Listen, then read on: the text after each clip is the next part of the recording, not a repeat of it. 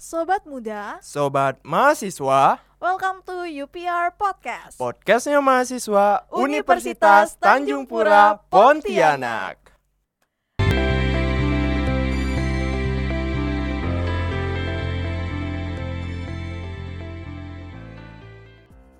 Halo sobat muda, sobat mahasiswa, selamat datang di UVR Podcast, podcastnya mahasiswa Universitas Tanjung Pura Pontianak. Di episode UVR Podcast kali ini, Stefani akan menemani waktu luang sobat semua. Apa kabar sobat muda semuanya? Masih pada sehat aja kan? Intinya tetap jaga kesehatan selama beraktivitas ya, terlebih di situasi menuju new normal ini. Jangan lupa untuk selalu menerapkan 5M, menggunakan masker, mencuci tangan, menjaga jarak, menjauhi kerumunan dan mengurangi mobilitas. Dan kebetulan kalau ngomongin kesehatan, sering kali kita lupa level berharganya kesehatan diri kita demi menggapai sesuatu secara mati-matian. Istilah tersebut dikenal dengan hustle Carter. Nah, sobat muda, podcast kali ini Stefani akan membawa sobat muda, sobat mahasiswa untuk mengarungi fenomena hustle Carter yang mulanya istilah tersebut untuk meningkatkan produktivitas namun jatuhnya malah toxic productivity. Sejak kecil, kita selalu diajarkan untuk rajin sekolah, berprestasi, agar bisa mewujudkan cita-cita di masa mendatang. Beranjak remaja pun, baik SMP maupun SMA, juga mempersiapkan kita sebagai muridnya agar mampu bersaing di dunia kerja nanti. Secara nggak sadar, kata kunci rajin menjadi bayang-bayang perjalanan kita. Kalau kita nggak rajin, kita nggak akan sukses atau meraih cita-cita.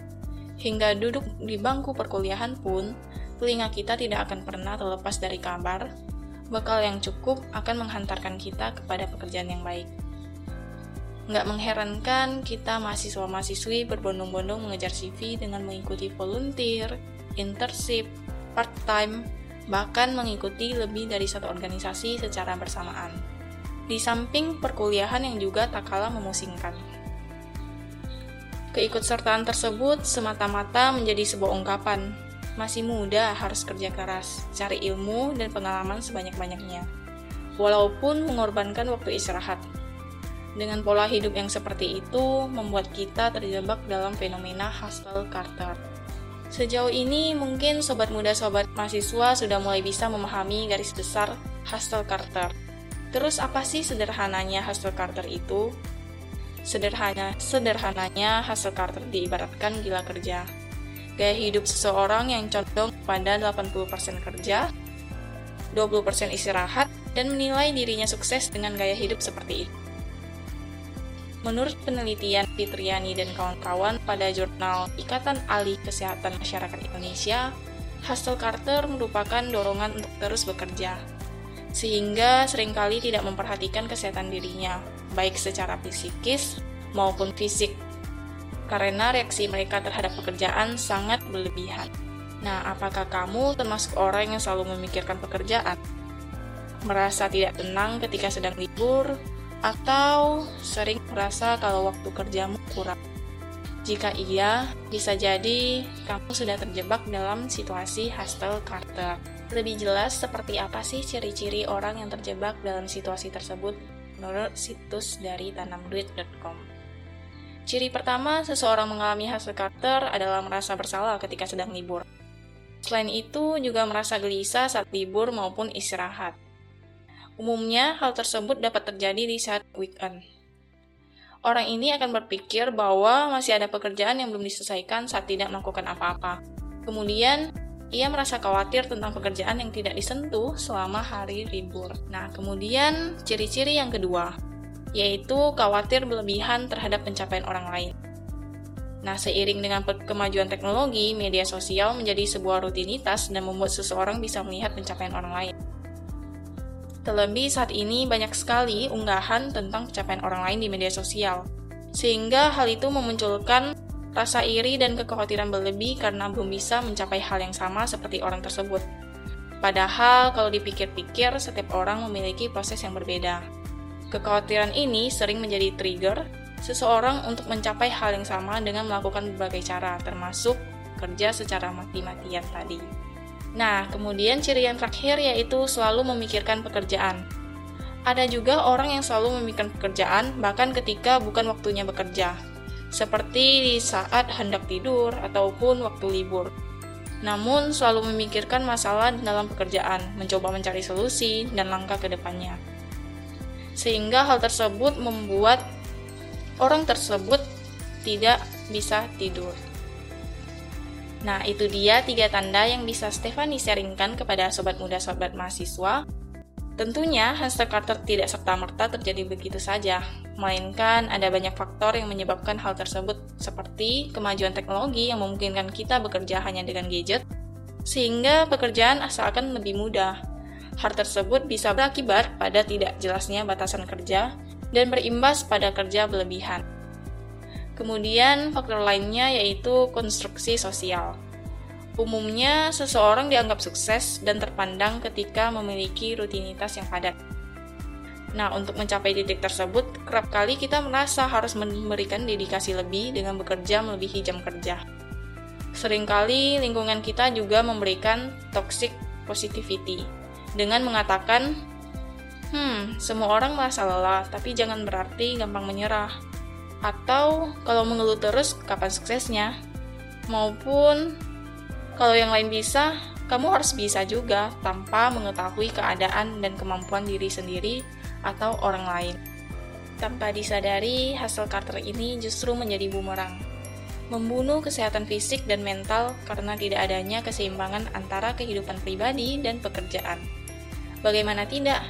Dengan beragam dan jumlah aktivitas yang dilakukan, Rasanya sebaik-baiknya orang yang dapat memanajemen waktu dengan baik, tetap pasti mengorbankan beberapa hal lainnya.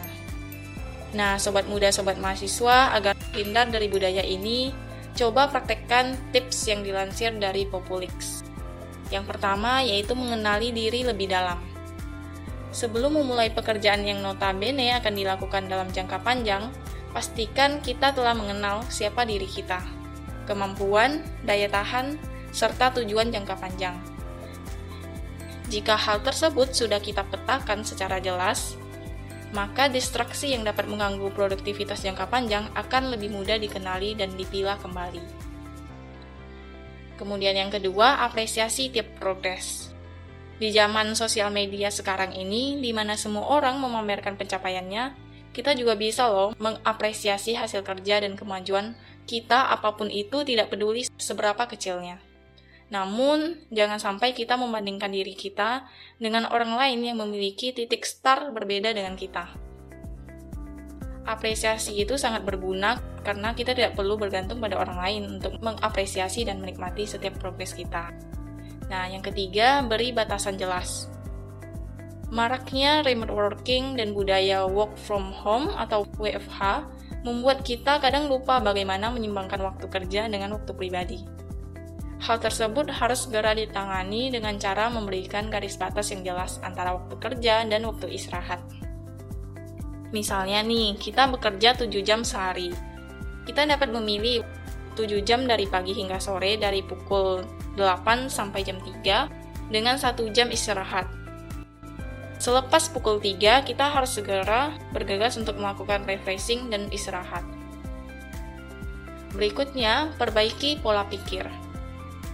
Agar terhindar dari budaya culture tadi, kita harus memiliki pola pikir di mana pekerjaan bukan segalanya.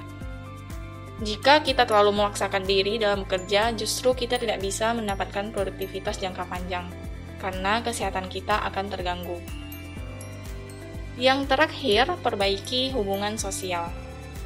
Salah satu akibat hustle culture adalah minimnya interaksi kita dengan teman dan lingkungan sekitar kita kita dapat memperbaiki hubungan sosial supaya kesehatan mental tetap terjaga. Itu dia tips bagi sobat muda, sobat mahasiswa sekalian untuk tidak terjebak dalam budaya tersebut atau menghadapi budaya tersebut. Semangat mahasiswa-mahasiswi memang tak pernah diragukan, terlebih untuk mencapai kesuksesan di masa depan. Tapi, alangkah baiknya untuk mempertimbangkan segala risiko yang akan kita hadapi, termasuk kesehatan yang tidak dapat dibayar dengan harga. Di tengah deadline yang menumpuk, luangkanlah waktu sesekali untuk melakukan kegiatan lain, misalnya saja dengan menjadi pendengar di UVR Podcast. Nah, sobat muda sobat mahasiswa bekerja keras di usia muda memang sah-sah saja, wajar-wajar saja. Tapi jika sudah sampai tidak memperdulikan kesehatan, lingkungan sekitar, dan diri sendiri, maka sebaiknya dihentikan. Masih banyak di antara kita yang lupa bahwa hidup nggak melulu soal bekerja, tapi juga memperluas lingkungan pertemanan, mengenali diri sendiri, mengembangkan bakat, dan memperhatikan waktu istirahat. Padahal seharusnya kita bisa belajar loh dari fenomena hustle Carter ini. Jangan salah memahami lagi ya sobat muda, sobat mahasiswa. Banyak kegiatan bukan berarti kita produktif. Hustle Carter atau dan produktif adalah kedua hal yang berbeda. Seseorang yang produktif akan cenderung lebih fokus pada output yang dihasilkannya dengan waktu yang efektif pula.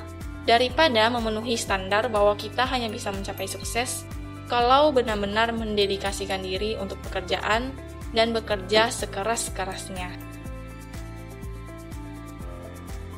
Well, that's all from me. Thank you for stay tune bersama aku, Stefani di UVR Podcast. Jangan lupa untuk ikutin terus UVR Podcast di Spotify dan Anchor, dan follow juga official account sosial media kita di Instagram at palpemuntan dan at untanvoiceradio.caster.fm.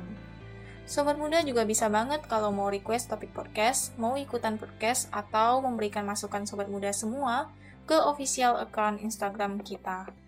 Selain itu, untuk sobat muda yang tak ingin melewatkan informasi mengenai Kalimantan Barat dan sekitarnya tak terkecuali informasi update tentang Untan, sobat muda sekalian bisa mengunjungi website kita mimbaruntan.com karena akan ada berita yang update setiap harinya. So, see you in the next podcast.